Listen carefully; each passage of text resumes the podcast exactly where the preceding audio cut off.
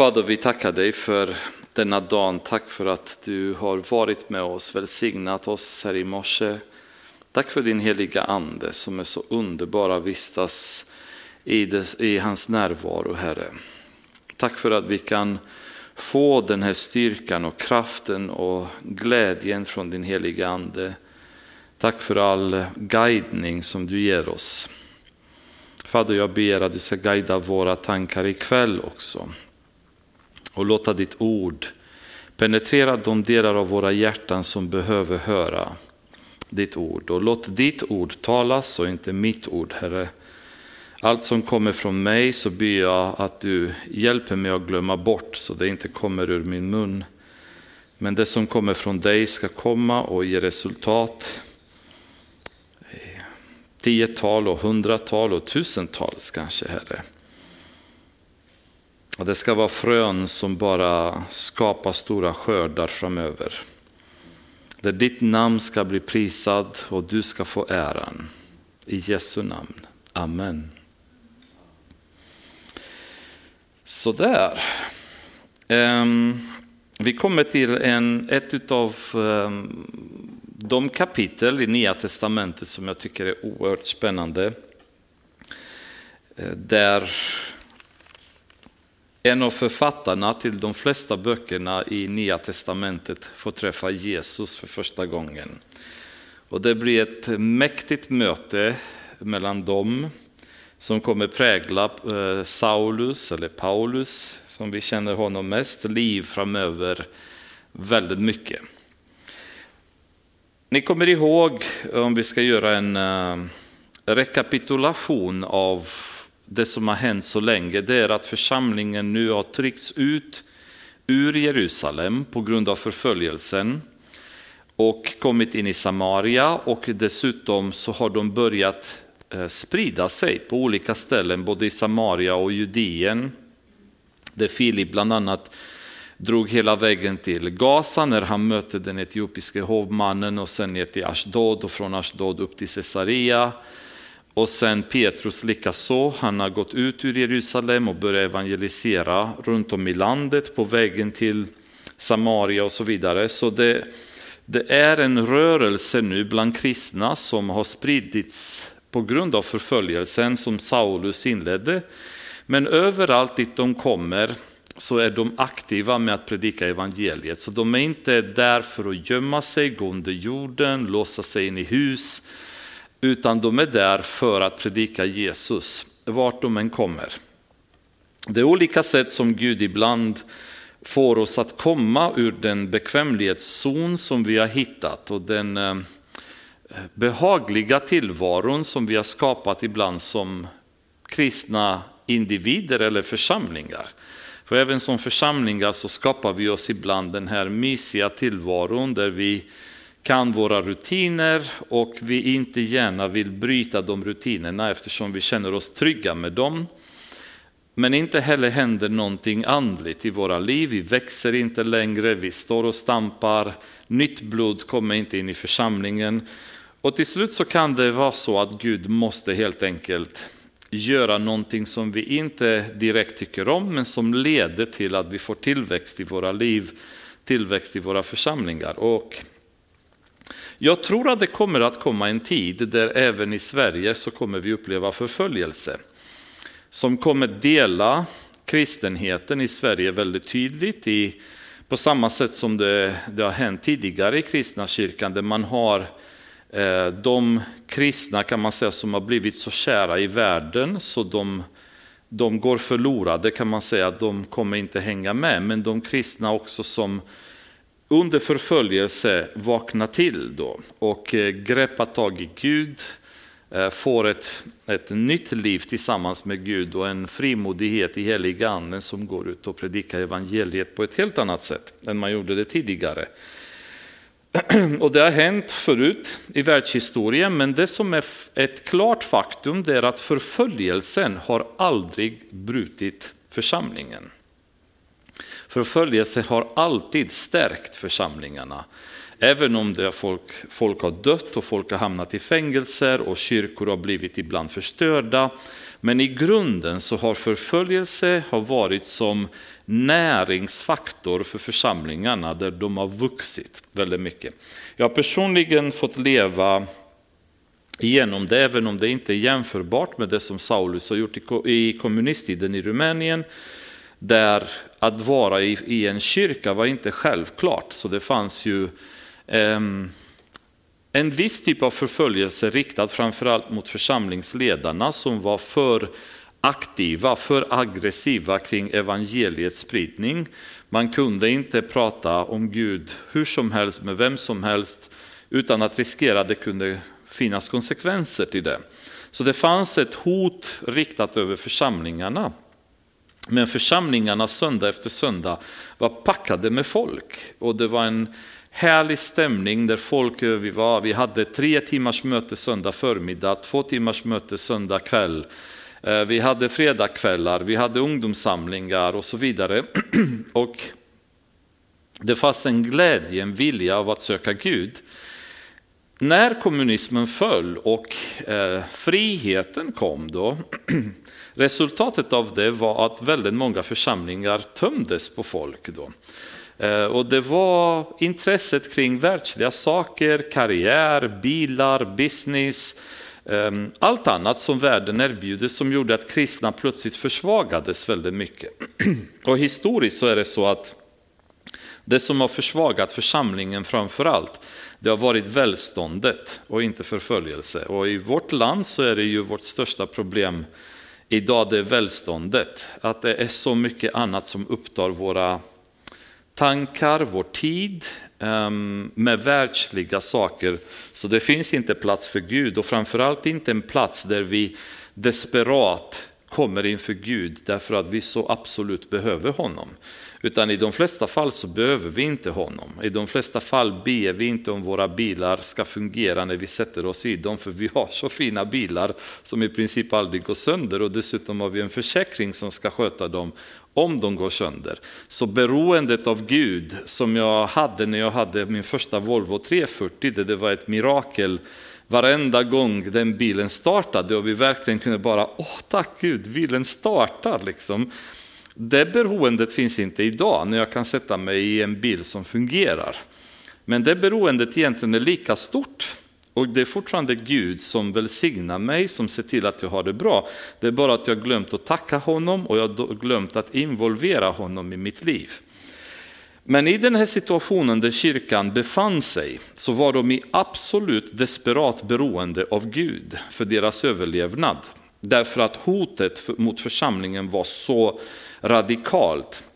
Där det var, tanken var att församlingen ska utplånas från jordens yta i princip. Så de levde med, levde med svärdet över sitt huvud, men det, det hjälpte inte någonting därför att den församlingen kan man säga till skillnad från en del moderna församlingar idag, deras huvudmål i existensen var Jesus. Det var det enda de brann för, mer än deras karriärer, mer än deras um, affärsliv, mer än deras välstånd, mer än deras underhållningsbehov. Utan det var behovet av Jesus i deras liv och att han ska styra deras liv. Och det var så starkt, så var kristna dök upp någonstans så blev det fickor av eh, av kristenhet, därför att de evangeliserade och predikade evangeliet.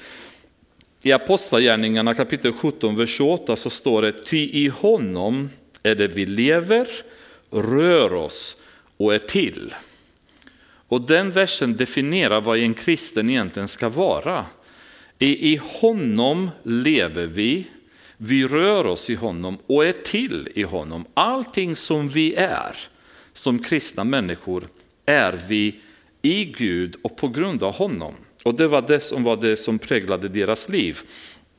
Paulus säger i Filipperbrevet 1.21, ty för mig är livet, är livet, alltså allt som har med livet att göra, Kristus. Och döden är en vinst. Och med den mentaliteten bland kristna så är det väldigt svårt för djävulen att kunna överhuvudtaget göra någonting som fungerar. Och vi ser hur många saker han har försökt redan med den nya församlingen. Han har försökt med hån, med korruption, med hot, med förföljelse, ehm, med hyckleri i församlingen, eh, med splittring, med aggressiv så att säga, förföljelse och ingenting fungerar. Därför att för den församlingen är livet Kristus och åt döden är en vinst.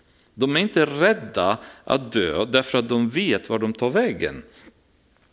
Ehm, och det är ju väldigt spännande att se hur de spreds över hela, hela riket och överallt så kunde de ge resultat därför att de hade den här inställningen. Nu där människor kom till tro i tusentalet, bland annat präster och fariseer stod det att de, även de kom till tro. Men Saulus är inte färdig med dem. Så i kapitel 9 så står det Saulus som fortfarande andades hot och mordlust mot Herrens lärjungar gick till överste prästen och bad att få med sig brev till synagogorna i Damaskus. Om han kunde finna några som hörde till den vägen, män eller kvinnor, skulle han fängsla dem och föra dem till Jerusalem. Så Saulus nu känner att jag inte jag är inte nöjd med bara Jerusalem. Det här är ett, en plåga som jag vill utrota över hela världen där de har kommit. Då. Och tanken var vidare nu att gå till Damaskus och anledningen till det, det berodde på att i Damaskus så fanns det någonstans runt 30-40 synagogor vid den här tiden. Och kristna som hade flytt Jerusalem och som fortfarande var judar, de gick ju fortfarande vid synagogorna och via synagogamötena då influera andra judar med sin kristna tro. Vilket innebar att Damaskus var ett väldigt bra skördefält för kristna nu som hade kommit dit med väldigt många judar som bodde där. Ehm, genom vilka nu evangeliet kunde, kunde sprida, spridas. Så uppenbarligen så har detta kommit till hans, ehm, hans vetskap och han vill göra någonting åt det. Det intressanta med Paulus är att vi ser flera exempel i Bibeln av fariseer som var väldigt skurkaktiga i sitt sätt att tänka och saduceer. Som var kanske äregiriga eller som var kanske ute efter pengar i sin tjänst och så vidare. Men när Paulus beskrivs så beskrivs han inte på det sättet. Utan han beskrivs som en hängiven farisee som brann för lagen och brann för att försvara Gud inför den här annalkade vågen av en sekteristisk ehm, sekteristiska fanatiker som kommer med en ny lära och som ska förstöra det som judaismen står för. Han är väldigt ärlig i sin hängivenhet och det handlar om att han har en stor respekt för lagen, en stor respekt för Gud och han vill kämpa och försvara det han vet är sant och tror på så starkt. Så Mose, ehm, han kunde lagen väldigt bra. När han beskriver sig själv, så, eh, förlåt, eh, Paulus, inte Mose. Han, han kunde lagen väldigt bra och när han beskriver sig själv så beskriver han sig själv som felfri i sitt levande, i levande enligt lagen. Så han kunde verkligen lagen, men han förstod inte lagen. Han var blind för, lag, för, för vad lagen egentligen handlade om. Och han bara kunde det men förstod den inte. Han beskriver själv faktiskt det tillståndet som egentligen alla judarna befann sig i i andra Korintierbrevet, eh, tredje kapitlet. Eh, blindheten kan man väl säga som, eh, som rådde Israel och han säger så här i vers 12. Då vi har ett sådant hopp går vi helt öppet tillväga och gör inte som Mose, han som hängde en slöja för sitt ansikte för att Israels barn inte skulle se hur det, hur det som bleknade försvann. Men deras sinnen blev förstockade. Än idag finns samma slöja kvar när gamla förbundets skrifter föreläses och den tas inte bort. Först i Kristus försvinner den. Ja, än idag ligger en slöja kvar över deras hjärtan när Mose föreläses. Men när helst någon omvänder sig till Herren tas slöjan bort. Herren är anden och där Herrens ande är, det är frihet. Och vi alla som med avtäckt ansikte skådar Herrens härlighet som i en spegel, vi förvandlas till en och samma bild från härlighet till härlighet. Det, her, det, det sker genom Herren anden. Så han beskriver här hur hela folket lever med en slöja över ansiktet så att de inte kan känna igen Jesus, de kan inte känna igen Guds vilja. Och så länge den här slöjan finns så kvittar det hur mycket man resonerar med de människorna, hur mycket man går in på djupet att försöka att predika evangeliet till dem, så har de en slöja, en blindhet som inte möjliggör för dem att förstå. Om ni tänker att ni skulle ha någon som är blind från födseln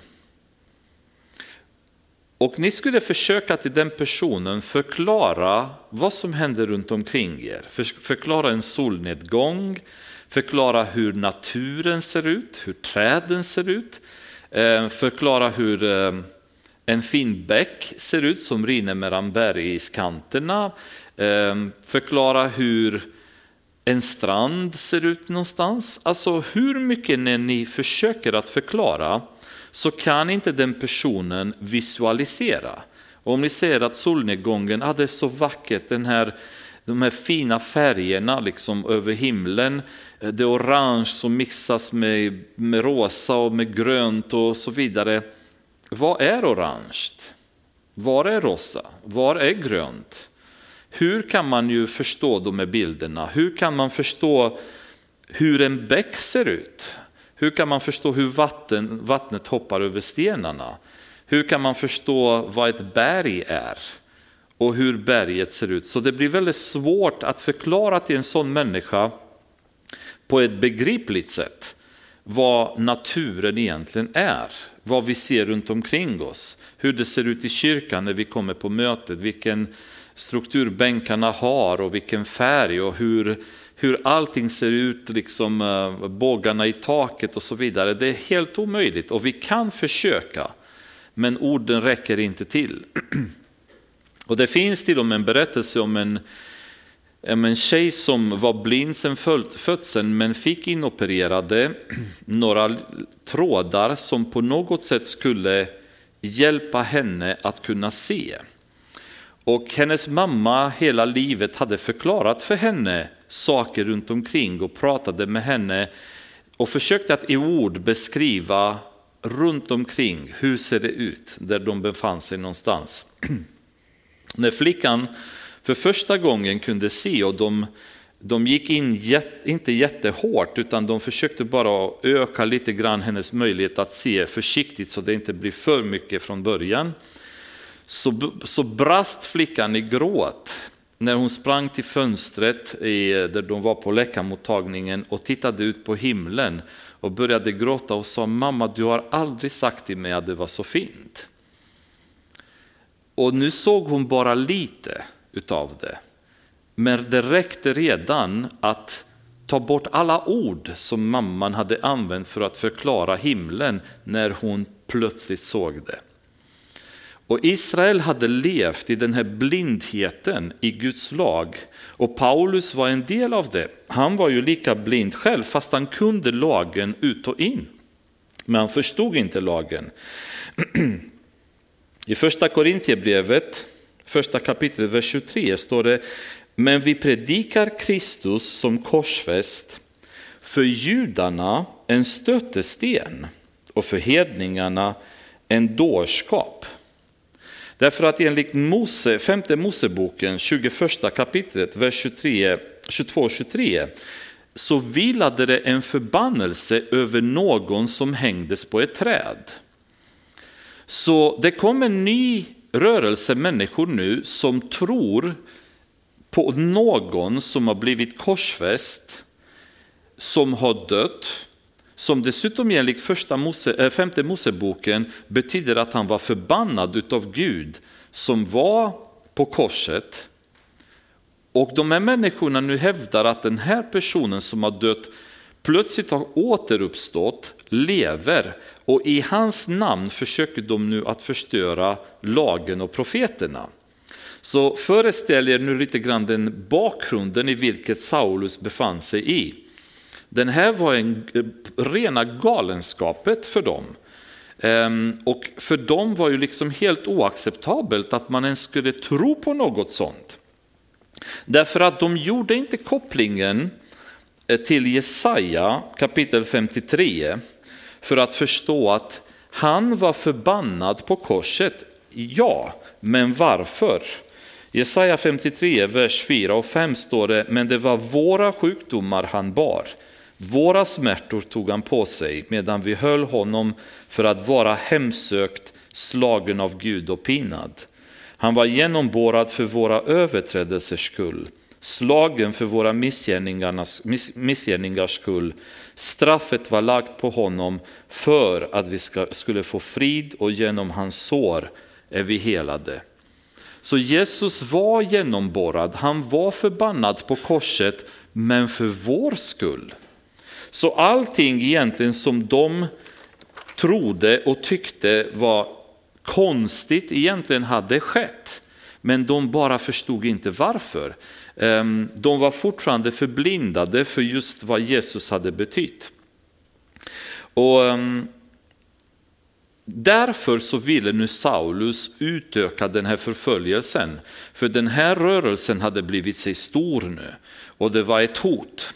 Och han hade, eh, historiskt sett så vet man att han lyckades väldigt effektivt i Jerusalem att förstöra många församlingar. Problemet bara är att han, han flyttade ut dem till resten av riket där det hade poppat upp ännu mer eh, församlingar. Så nu går han till Damaskus och målet är att han ska komma till Damaskus och göra slut på dem där. Han kommer med hela auktoriteten från Sanhedrinen, från Stora rådet bakom sig att nu ska vi göra slut på de här. Så han kommer där med hela den religiösa makten bakom sig, fria händer att ta hand om problemet. Men när han på sin resa närmade sig Damaskus strålade plötsligt ett ljussken från himlen omkring honom och han föll till marken och hörde en röst som sade till honom Saul, Saul, varför förföljer du mig?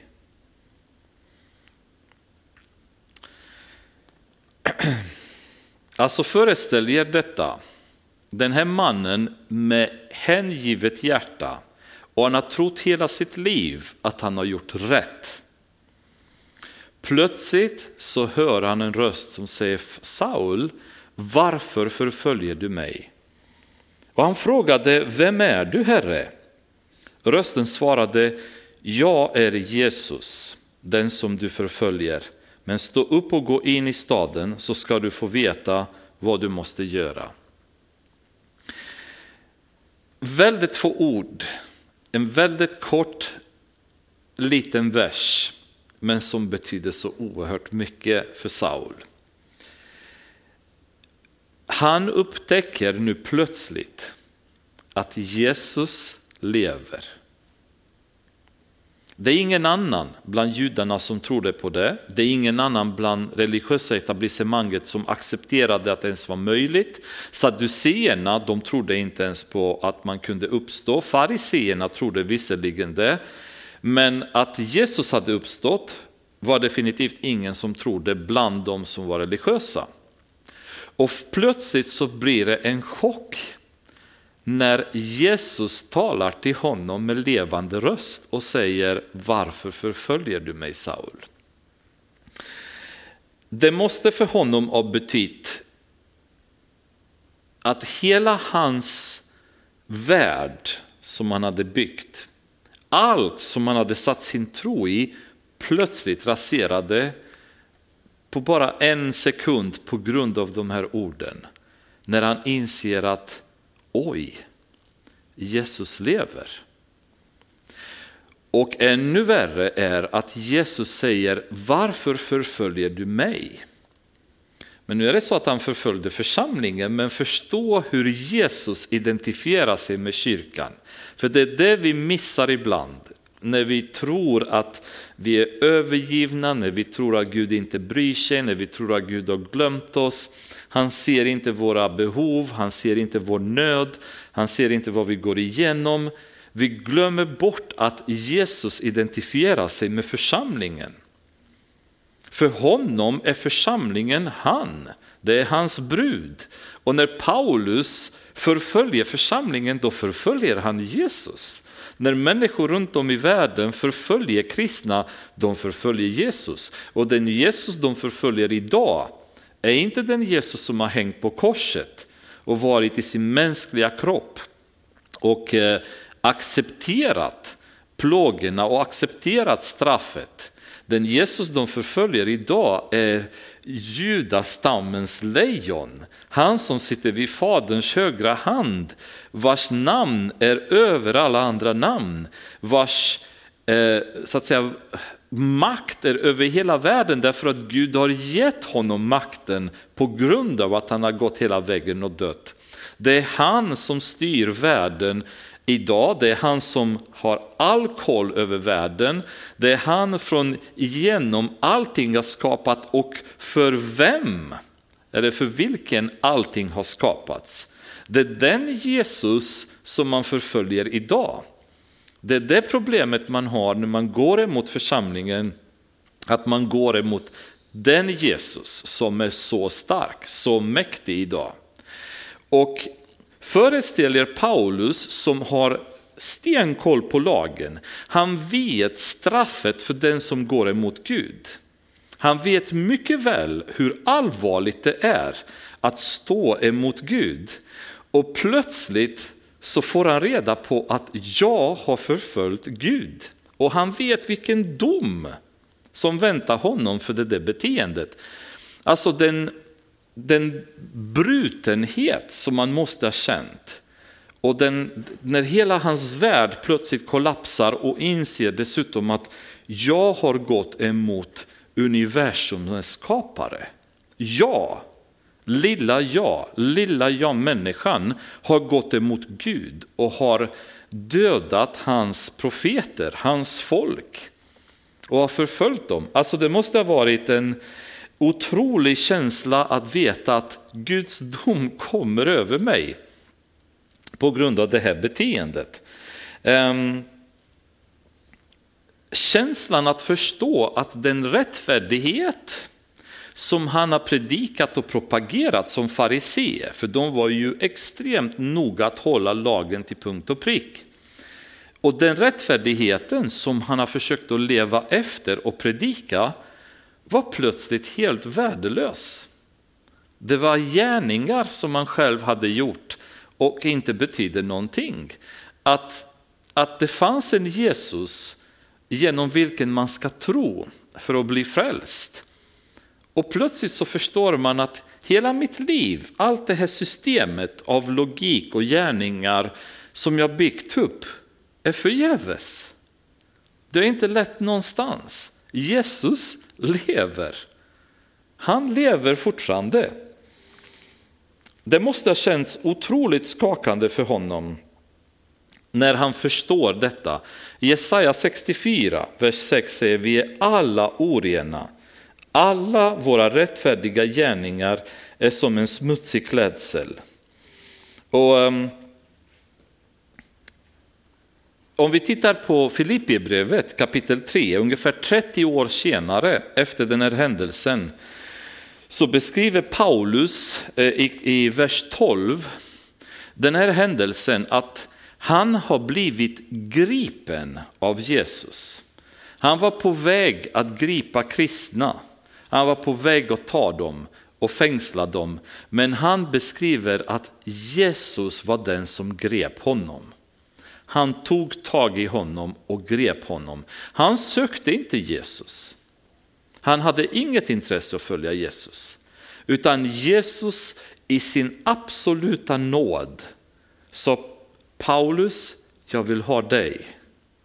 Jag vill att du ska vara min. Och den här upplevelsen, när han förstod att inte med egen kraft, inte med egen vilja hade han sökt Jesus, utan Jesus i sin absoluta nåd valde att gripa honom och ta honom till sig. Det präglade hela Paulus liv därefter. Det finns ingen annan i Bibeln som har predikat Guds nåd med en sån hängivenhet och beslutsamhet som Paulus. Han har fått så mycket stryk på grund av att han har stått fast vid att predika Guds nåd. Vi är frälsta genom tron och inte genom gärningar. Det finns ingenting som vi kan göra för att bli frälsta. Vi, vi var döda och när vi var döda, säger han i Romarbrevet, har Gud gripit oss, har Gud räddat oss. En död människa kan varken välja, kan säga någonting, kan vilja någonting. Man är död, man är förblindad andligt. Och då kommer Jesus och ingriper och säger, jag vill ha dig. Jag vill att du ska vara min. Och i detta uppenbarelse av nåd så kollapsar Paulus och han blir framöver så att säga Guds nåds predikant. Och han, han hela tiden betonar den här vikten av att vad det innebär att leva i Guds nåd. Gör inte saker i köttet, gör det genom Guds nåd. Gör inte saker som, som ska försöka att förhärliga dig inför Gud genom dina egna gärningar, för de duger inte till någonting utan lev i Guds nåd istället permanent så följer den här tråden då som förvandlade hans liv. Det följer hela hans undervisning under hela sitt liv därefter. Vikten av Guds nåd. Hela romabrevet egentligen kallas Guds nåds evangelium. Hela brevet bara bubblar av varför Guds nåd är så viktig i våra liv. Och hela hans kamp mot kyrkan i Korint, kyrkan i kyrkorna i Galatien, eh, Kolosserbrevet, eh, Timoteus till och med. Många epistlar har han för att agera mot dem som kom för att ta bort Guds nåd från församlingarna och ersätta det med judaism och med lag och med skyldigheter och plikter igen. Medan Paulus går och predikar Guds nåd. Till den punkten där han säger allt är mig tillåtet. Men inte allting är mig nyttigt. I Guds nåd så kan jag leva ett fritt liv nu som kristen. Jag lever inte under ett ok längre utan jag lever i frihet. Men jag lever som slav för Jesus. Men det är en, en, eh, en frivillig slaveri, ett frivilligt slaveri som jag ingått i. I gamla testamentet så fanns det möjligt för en slav om han var så nöjd med sin herre, då kunde han gå och säga att jag vill vara din slav för resten av mitt liv. Och då gjorde man ett hål i örat på dem för att markera att nu tillhör de en herre, men det är en fri, ett frivilligt slaveri, de har själva valt det. Och det är på samma sätt som Paulus beskriver sin relation sen med Jesus, att han har blivit Jesus slav, men han har gjort det av frivillighet för att det var så underbart att leva i Guds nåd. Och det är ju Guds nåd och ingenting annat. Ehm, I första Korintierbrevet eh, kapitel 15 och vers 10, när han var ifrågasatt i sitt apostelskap huruvida han var rätt eller inte utav de som försökte att attackera honom i kyrkan i Korint. Man kan säga att det som hände i Korint, är att det kom så kallade eh, eh judaister, då, sådana som gick tillbaks. Där, det som hände med Paulus arbete därefter, det är att han gick till ett ställe där ingen annan hade varit. Började predika evangeliet och det blev en kristen församling av det med massa frälsta människor. Sen drog han vidare till nästa, men i haserna på honom så kom det alltid de här usliga människorna som det var judar som kom in i de här hedniska församlingarna som folk som hade blivit frälsta, kommit till tro från olika andra delar av riket och de var icke-judar. De kom in och hävdade att ni måste nu anamma judaismen om ni ska kunna ha en relation med Gud. Där ni måste hålla sabbaten och ni börjar, måste börja hålla lagen, Mose lag och så vidare. Då. Och Paulus fick hela tiden kämpa mot de här människorna som dessutom hade för vana att inte gå och predika evangeliet och starta egna församlingar, och de, utan de gick och försökte plundra de församlingar som Paulus hade etablerat. Och I parentes så kan man säga att jag har väldigt lite respekt idag för församlingar som öppnas upp där man drar in, där man stjäl kristna från andra församlingar om man säger så. Man sysslar med proselytism snarare än evangelisation. För det, är ju, det där ser jag inte riktigt som eh, Guds verk, att jag börjar känna att ah, men jag ska starta en församling i Göteborg och så börja marknadsföra med att försöka dra folk från pingstkyrkorna, från baptistkyrkan, från eh, ja, mission och så vidare. Och plötsligt så har jag en församling på 50-60 människor. Men jag har inte predikat evangeliet till en, en enda ny själ, en enda människa som, som, eh, som lever ute i världen. Och Paulus till och med pratar om detta, om vikten av att han vill gå där ingen annan har gått. Han vill gå och predika där evangeliet inte har hörts. Han vill inte bygga för någon, på någon annans grund. Men i hans fall så var det just de här judaisterna som kom efter honom och försökte att förändra församlingarna. Men hur kan du förändra en församling som har blivit frälst på grund av Paulus? Han har predikat, han har varit som deras andlige fader. Jo, enda sättet de kunde göra det på var att försöka att underminera hans auktoritet och person i församlingarna. Och de började snacka massa eh, osanningar om honom då. Så han ständigt måste försvara sig i epistlarna eh, för att förklara för dem att så är inte fallet. Och bland annat i Korint så ifrågasatte de huruvida är han verkligen en apostel? För han, är inte, han har inte varit med de andra. Och vem, är, vem tror han egentligen att han är? Vem tror han egentligen har, har sänt honom? Och han förklarar för korintierna varför han är en apostel. Dock han säger att jag är den minsta av dem. Och han är ovärdig att vara en apostel därför att han har förföljt församlingarna. Men sen avslutar han i vers 10 och säger något absolut magnifikt tycker jag. Där han säger, men genom Guds nåd är jag vad jag är. Jag har inte förtjänat det här. Jag har inte arbetat upp mig till det här. Jag är inte, jag är inte ens värdig att vara men genom Guds nåd är jag vad jag är. Och Guds nåd är det som ger oss som kristna en identitet.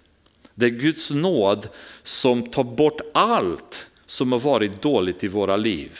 Allt som kan vara så att säga, som trycker på våra axlar och tynger oss, det tas bort av Guds nåd. Inte för att vi förtjänar, inte för att vi har sökt honom, inte för att vi har letat efter honom på något sätt, utan därför att någon gång i våra liv har Jesus tittat på oss och sagt, dig vill jag ha. Och Paulus i Efesierbrevet säger, detta är på grund av att vi har valts av Gud innan världens begynnelse. Och Jesus kommer och säger, jag vill ta, jag vill välja, jag vill hitta dem som du har valt åt mig. Och den här dagen var den dagen då Paulus möter Jesus och Jesus säger Paulus, jag vill ha dig. Och det måste ha inneburit en total kollaps i hans liv. Jag kan inte, jag kan inte ens föreställa mig de tårar och den, den gråt som Paulus måste ha gått igenom. Den förvirring men samtidigt glädje av att upptäcka att han förstår nu lagen, att han äntligen kan pussla ihop de här bitarna som kanske inte var lika tydliga tidigare. Jesus säger till honom, stå upp och gå in i staden så ska du få veta vad du måste göra.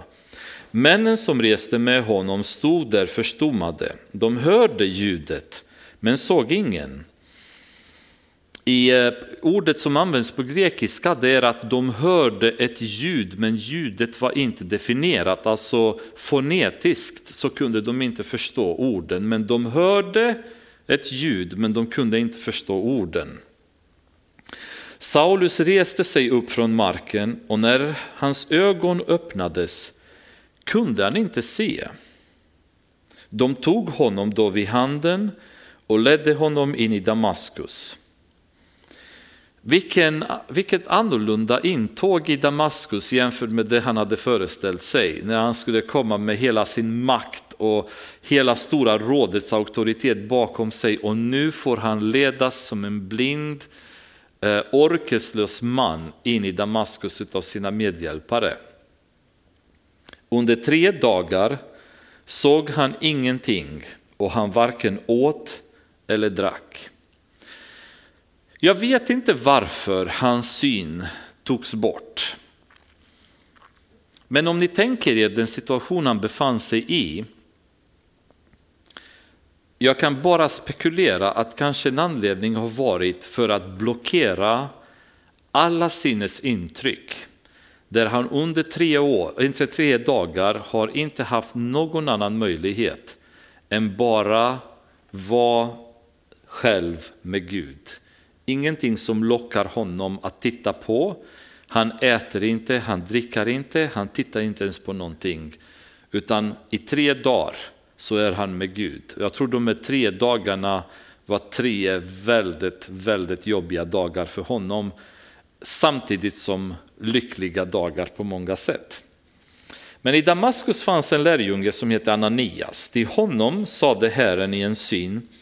Ananias, han svarade, här är jag Herre. Herren sade till honom, bege dig till den gata som kallas Raka gatan och fråga i Judas hus efter en man som heter Saulus och är från Tarsus. Till se, han ber. Och det är väldigt intressant det här, jag gillar det sista, till se, han ber.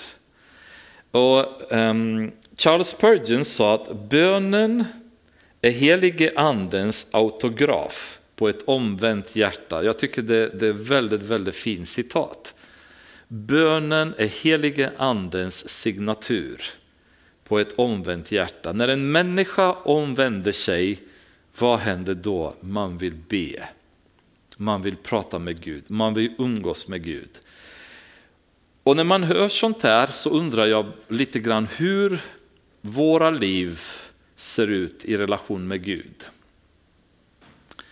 Hur viktig är bönen för vår församling idag? På individnivå, på församlingsnivå.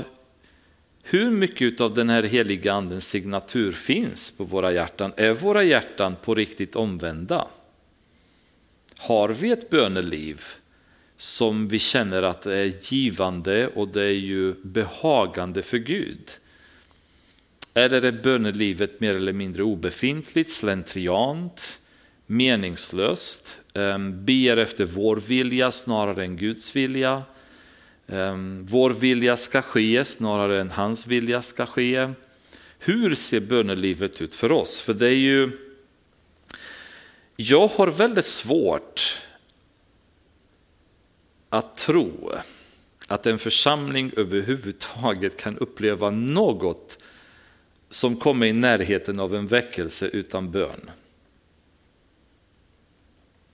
Det är bara om Guds nåd är så enormt mycket större än jag, än jag begriper det och man bara känner att varsågod, jag ska ändå ge er väckelse i era liv i församlingen. Allt är möjligt för Gud. Men det blir väldigt märkligt för oss att vara en församling som tror sig vara kristen, vi älskar Gud, vi älskar Jesus. Men bönen är ingenting som intresserar oss. Det första Paulus gjorde när han mötte Jesus det var be. I tre dagar åt inget, drack inget, men bad. Och det är ju det, är ju det beteendet som eh, är härligt att se i ett hjärta av en människa som har träffat Jesus. När bönen blir så viktigt och så avgörande i ens liv snarare än bara några minuter om dagen och snarare än slentriana ord eller upprepade fraser som vi bara säger gång på gång, att det blir någonting meningsfullt. När vi penetrerar eh, himlen och kommer inför Guds tron med våra böner. Där det gör skillnad, när bönerna börjar göra skillnad i våra liv och runt omkring oss. Men han bad. Och i en syn har han sett en man som heter Ananias komma in och lägga händerna på honom för att han skulle se igen. Då svarade Ananias, Herre, jag har hört av många hur mycket ont den här mannen har gjort mot dina heliga Jerusalem och nu är han här med full makt från översteprästerna att gripa alla som åkallar ditt namn. Men Herren sade till honom, gå, han är ett redskap som jag utvalt för att bära fram mitt namn inför hedningar och kungar och inför Israels barn. Och jag ska själv visa honom hur mycket han måste lida för mitt namns skull. Ananias visste varför Paulus var där, så uppenbarligen hans resa till Damaskus var så välkänd så de satt redan i Damaskus spända och visste att nu kommer han och det blir som det har blivit i Jerusalem. Eh, så det finns en viss eh, rädsla, en viss ångest kan man säga hos Ananias att behöva gå och träffa Saulus då. Eh, men en intressant grej som Gud säger till honom här, det är ju vers 15 och 16 att han är en redskap, ett redskap som jag utvalt för att bära fram mitt namn och lyssna på det här, inför hedningar och kungar och inför Israels barn.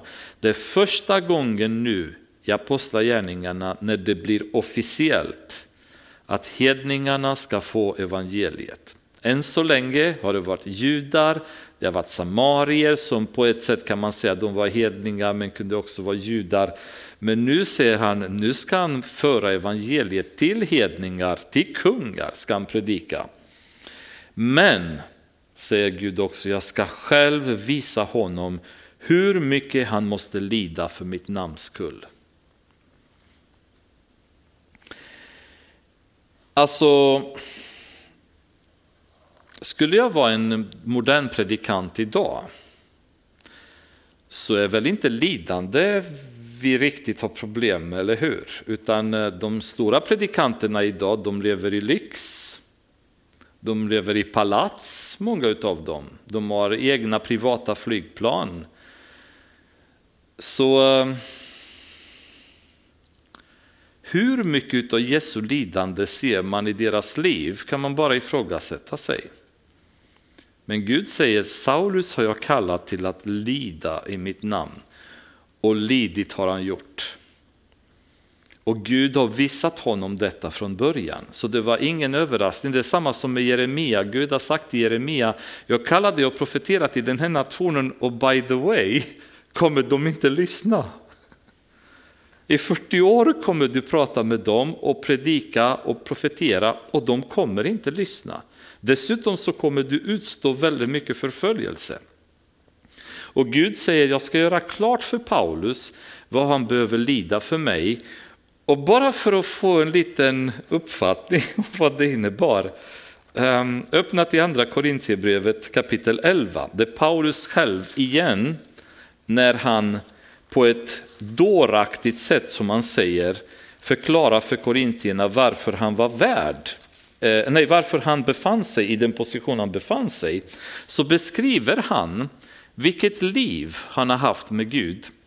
Och i vers 24 så säger han så här. Av judarna har jag fem gånger fått 40 gisselslag så när som på ett. Alltså gisselslag, då var det som påkar eh, som man slog dem med. Så 40 är ju domens eh, siffra i Bibeln, medan 39 är nådens siffra. Så de hade det för vana att du får 40 Eh, piskrapp eller 40 slag, men de gav bara 39 just för att visa nåd. Då. Och då säger han fem gånger, fem gånger har han fått 39 slag utav eh, judarna. Tre gånger har jag blivit piskad med spö. En gång har jag blivit stenad. Tre gånger har jag lidit skeppsbrott. Ett helt dygn låg jag i det djupa vattnet. Jag har ofta varit på resor, utstått faror på floder, faror bland rövare, faror från landsmän, faror från hedningar, faror i städer, i öknar och på hav, faror bland falska bröder.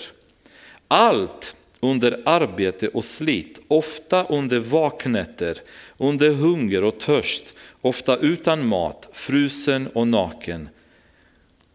Och som detta inte var tillräckligt, då säger han, förutom allt detta har jag den dagliga uppgiften, omsorgen om alla församlingarna.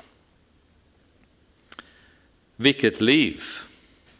Jag tror knappt att det fanns eh, ett ställe på hans kropp som inte var märken på. Alltså föreställ er, fem gånger plus tre, så åtta gånger har han fått 39 slag eller piskrapp. Det, det kunde inte funnits ett enda helt huddel på hans rygg efter detta. Och i Lystra blev han stenad och han blev så illa stenad så de trodde att han var död. Och tog honom ur, ur staden och grät över hans situation när han då kvicknar upp och kommer tillbaka in i staden. Och det är intressant, vi kommer komma senare därför att man tror att just under det tillfället så hade Paulus sin um, uppenbarelse när han kom till tredje himlen. Därav styrkan som kom i hans kropp. För när, när han var död, för han berättar om den här upplevelsen och säger vare sig jag var i kroppen eller utanför kroppen så upplevde jag detta. Så han visste inte själv just var jag död eller var jag inte död när jag upplevde detta. Och man tror att det var under steningen av Lystra, då i det ögonblicket så hade han sitt eh, uppenbarelse när han kom till paradiset. Liksom. Och det är också en sån här grej, Gud tillåter oss inte att hamna i sådana svåra lägen utan att han är bredvid oss. Det är ganska häftigt. Liksom. Men denna Paulus, liksom, det, det är hans liv. Det kan inte ha varit mycket på hans kropp som var helt egentligen. Och därför var han hånad till och med av många på grund av att eh, ja, hur är han liksom? Han är, en, han är ingen, ingen människa som är ansenlig, inte kanske vacker och med makt och så vidare. Så vem tror han att han är? Men det är det livet som Gud förklarar att det här ska jag visa honom att han kommer behöva lida för mig. Och vilken skillnad från dagens eh, Ehm, evangelister eller predikanter som många lever i lyx och många lever i överflöd. Snarare än än göra som Paulus, liksom att de går med evangeliet, men sånt evangelium som är så radikalt så överallt där du går så skapar det resultat. Antingen så hatar folk dig och vill döda dig eller så blir det väckelse. Men det blir aldrig neutralt läge kommer ni se. När Paulus kommer till en stad så blir det alltid antingen eller. Och hur är pingstförsamlingen stöpen? Skapar vi den här kollisionen i samhället där folk hatar oss men samtidigt så får vi väckelse? Eller lever vi ett neutralt liv som gör att vi har det bra, vi har det lite mysigt, ingen är för elak mot oss, vi har bra relation med alla, men inte händer det någonting heller därför att vi är så rädda att vara radikala i vårt sätt att predika evangelium. Tänk om någon blir ledsen eller tänk om jag trampar någon på tårna, tänk om jag säger någonting som är kanske inte politiskt korrekt. Det var ingenting som Paulus brydde sig om utan han var bara en evangelistisk maskin och folk hatade honom till döds och ville döda honom hela tiden eller så blev det väckelse. Och detta förklarar Gud för Ananias. Och det som är också lite häftigt med Ananias är att det är en person som vi bara hör om en gång i Bibeln och det är nu. Sen är han borta. En kanske en vanlig lärjunge i Damaskus, ingen märkvärdig person, men som Gud vid det här tillfället har valt för att vara avgörande i att leda Paulus till frälsning. Och det är ganska häftigt egentligen, tänk på väldigt många stora Guds män som i sin tur dock har påverkats av anspråkslösa kristna i de församlingar eller omgivningar de har befunnit sig i. En söndagsskolelärare som har planterat en frö som har vuxit, D.L. Moody till exempel, som har varit stor evangelist i USA. Han blev frälst under ett, ett möte med sin söndagsskolelärare. Och det blev liksom en stor evangelist av honom som drog tusentals människor till tron på grund av en söndagsskolelärare som vi vet inte ens knappt vem han var eller vad han har gjort mer i, i sin relation med Gud. Det är väldigt häftigt att se vikten av att göra det Gud kallar en för att göra och våga göra det som Gud kallar en för att göra. För Ananias kunde ha gjort som Jona och säga, jag går inte herre, inte Paulus, han förtjänar att gå till helvetet för det han har gjort, som Jona gjorde med, med Ninive. Han hatade Ninive, han hatade assyrierna, han ville inte dit. De förtjänar det som komma skall. Ananias kunde ju precis samma. Saul, vem som helst herre, men inte han. Han får brinna i helvetet för alla som han har dött. Men Ananias gör det Gud kallar honom till att göra. Han följer Gud även om han är livrädd. Och ändå liksom följer Gud och tar det på allvar. Att, eh, att göra det han har kallat honom till att göra. Så de här situationerna visar att anspråks, anspråkslösa människor i församlingen är lika viktiga som vilka stora evangelister som helst. För deras insats är avgörande när de följer Guds vilja i deras liv. Och då gick Ananias och när han kom in i huset lade han händerna på honom och sade Saul min broder, Herren Jesus som visade sig för dig på vägen hit, han har sänt mig för att du ska kunna se igen och uppfyllas av den helige Ande. Fatta vilken känsla när Ananias la händerna på honom och sa Saul min broder.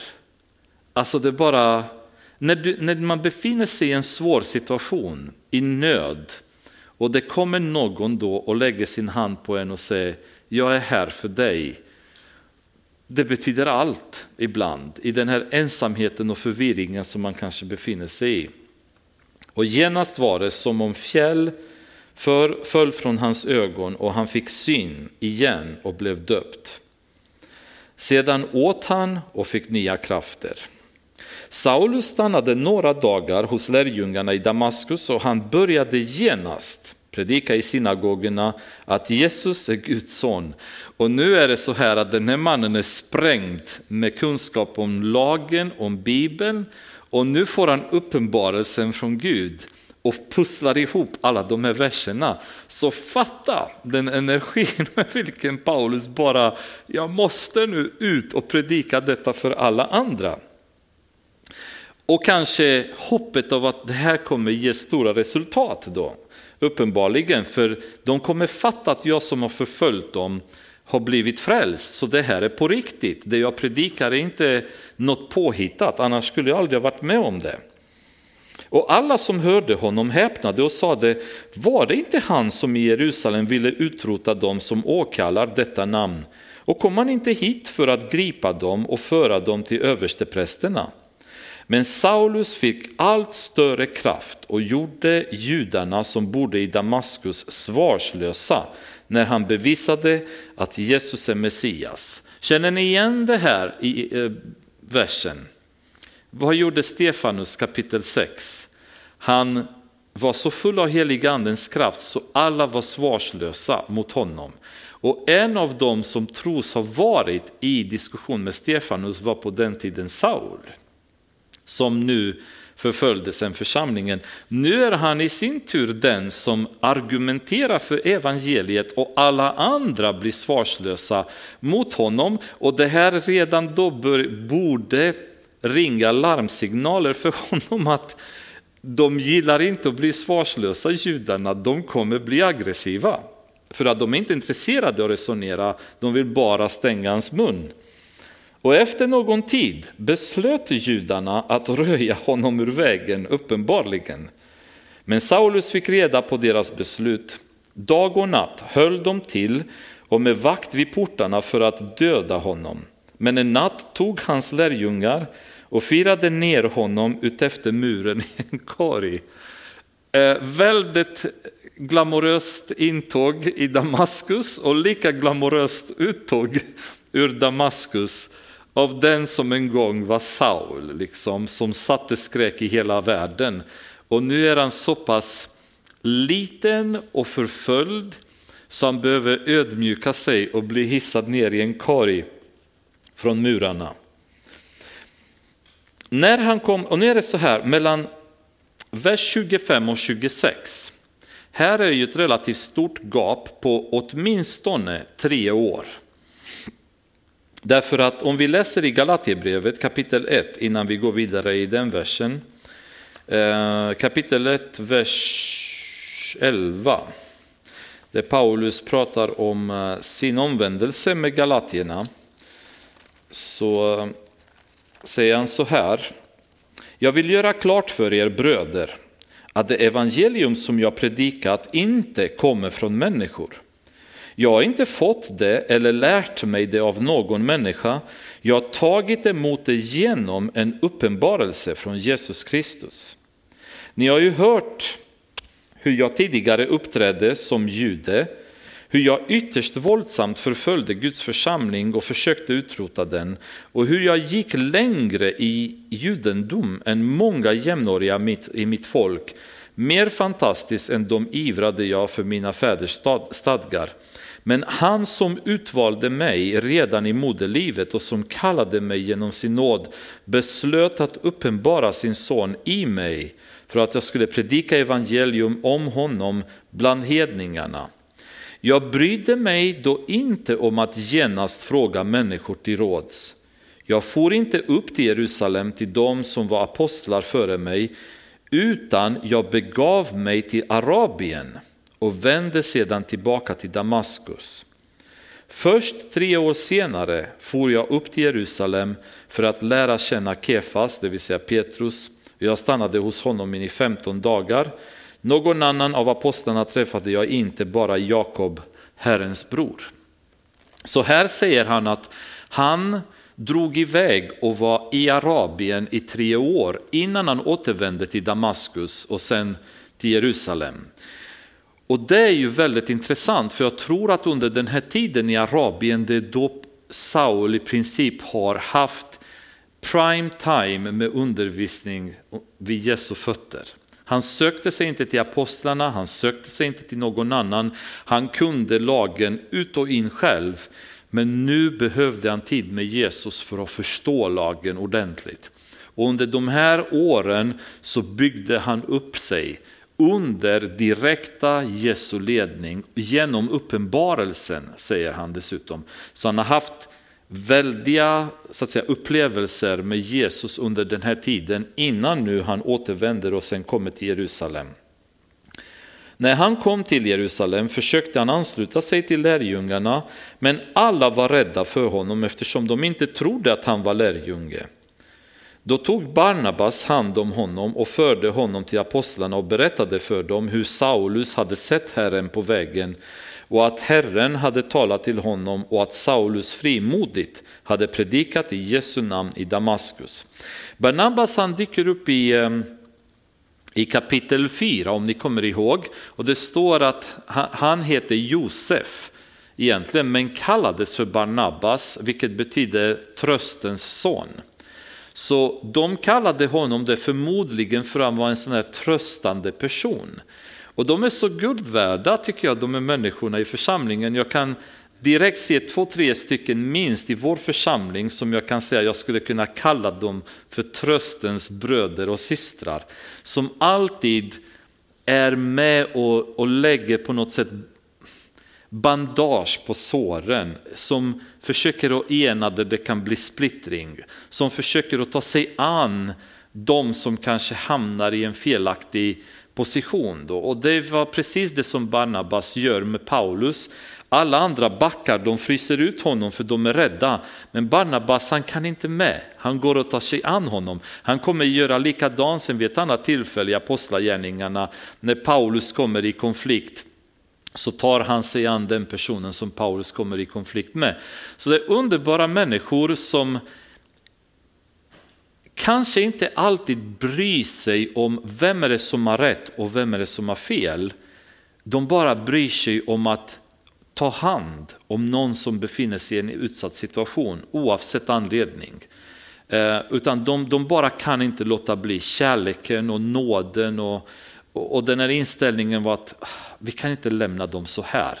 Det kanske är problem, han kanske är farlig men, men jag går ändå och tar hand om honom. Och underbara människor att ha i en församling som kanske inte alltid gör stor väsen av sig men de är så avgörande för att det ska bli en god stämning bland församlingsmedlemmarna tycker jag. Um, men han tar med, med honom och förklarar att Paulus faktiskt är på riktigt. Han har predikat evangeliet i Damaskus. Han är omvänd då. Sedan stannade Saulus hos dem och han gick in och ut i Jerusalem och predikade frimodigt i Herrens namn. Och han talade och diskuterade med de grekiskt talande judarna men de försökte röja honom ur vägen. Alltså det här är lite roligt, men vi kan ju spekulera varför Gud har valt just Paulus för det uppdrag som han kommer skicka honom till. Men en intressant grej är att Paulus var väldigt effektiv i att prata med både judar, alltså um, vad ska man säga, judaistiska judar, men också hellenistiska judarna som hade anammat grekiska kulturen. Och han hade vuxit upp i Tarsus och Tarsus var ett utpräglande stad där hellenistiska kulturen dominerade. Så han hade vuxit upp med hellenistisk kultur, med hellenistisk mentalitet, men skickades sedan utav hans föräldrar att gå skola i Jerusalem och bli eh, farisee och där läste han under Gamaliels fötter. Gamaliel som vi också träffade i början på Apostlagärningarna. Men han hade då en väldigt stark förankring av både judaistisk kultur men också hellenistisk kultur. Och det kan vara en anledning till att Gud ansåg honom så skicklig att kunna välja för att kunna föra evangeliet till båda de här nationaliteterna eller koncepten om man vill kalla det så. Men uppenbarligen, de hellenistiska judarna var inte jätteentusiasmerade och sadduceerna de hörde till mer hellenistiska kulturen medan fariseerna var mer åt det judaistiska hållet. Då. Eh, och de var inte jätteglada över detta och när bröderna fick veta det så förde de honom ner till Caesarea och sände honom sedan till Tarsus. Ehm, sen kommer vi ta ett litet avbrott från Paulus liv när vi går vidare. Men under den här perioden så räknas det att han har varit i Tarsus någonstans runt tio år innan han påbörjade sina missionärsresor. Eh, under vilken period han har levt ett relativt anonymt liv. Vi hör inte mycket om honom eller vi hör inte att han gör väldigt mycket. Och det kan vara en period där Gud ytterligare förbereder honom för det som komma skall.